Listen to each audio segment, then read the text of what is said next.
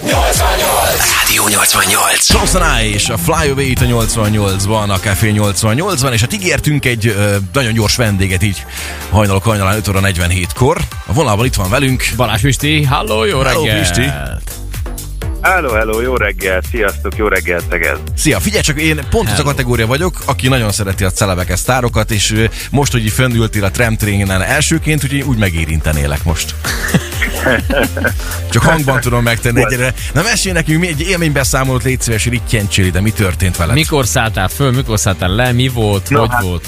Akkor hangban megpróbállak én is benneteket, meg a hallgatókat is megérinteni. Hát nagyon izgalmasan, meg korán kezdődött a mai nap. Ugye három óra környékén érkeztem ide a Hódmezővásárhelyi vasútállomásra, egy elég embertelen időpontban. Ennek ellenére egy kicsi meglepődtem, mert amikor ide érkeztem, már egyrészt alig volt hely, ahova tudtam volna állni, mert olyan sokan voltunk. Aztán pedig ugye a Tramtrain első hivatalos járat szerelvénye is megnyitotta az ajtaját, mert onnantól kezdve gyakorlatilag tumultus volt.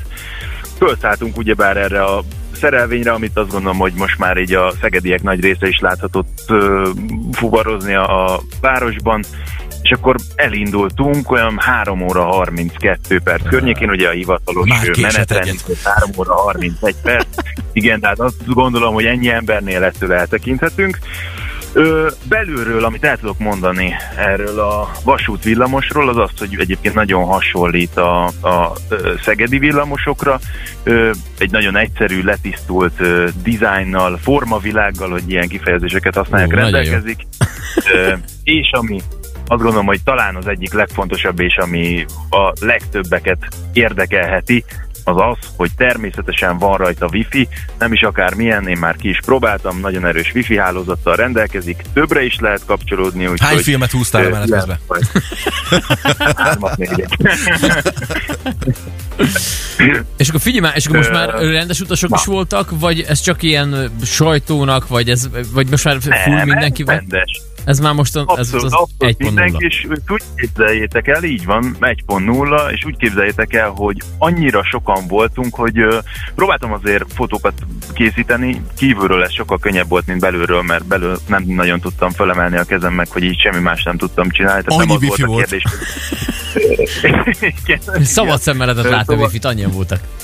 igen, igen, lepkehálóval tettem egyébként. Ö, szóval, hogy nem az volt a kérdés, hogy valaki rááll a lábamra, hanem hogy menjen. Ö, egy négyzetméterre nagyjából olyan négyen hatan jutottunk. Úgyhogy nagyon sokan voltunk.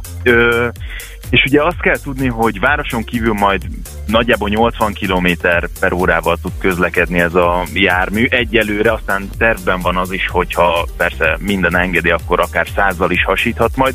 Most ö, én megmondom őszintén, nem tudtam lemérni, hogy mennyivel mehetünk, de szerintem maximum olyan 60-70-nel ö, hasítottunk, és így volt végállomástól végállomásig pontosan 60 perc a menetidő.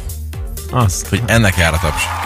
ez, ez a minimum. Az Jó szép van. munka. És akkor figyelj Pisti, És egy, akkor egy, te, te át is álltál, tehát ö, a városi vonalra, vagy utána ott leszálltál, mentél vissza, vagy ez hogy, hogy történt? Ott a maga az át, átmenés, amikor már nem vasút, hanem már villamos volt.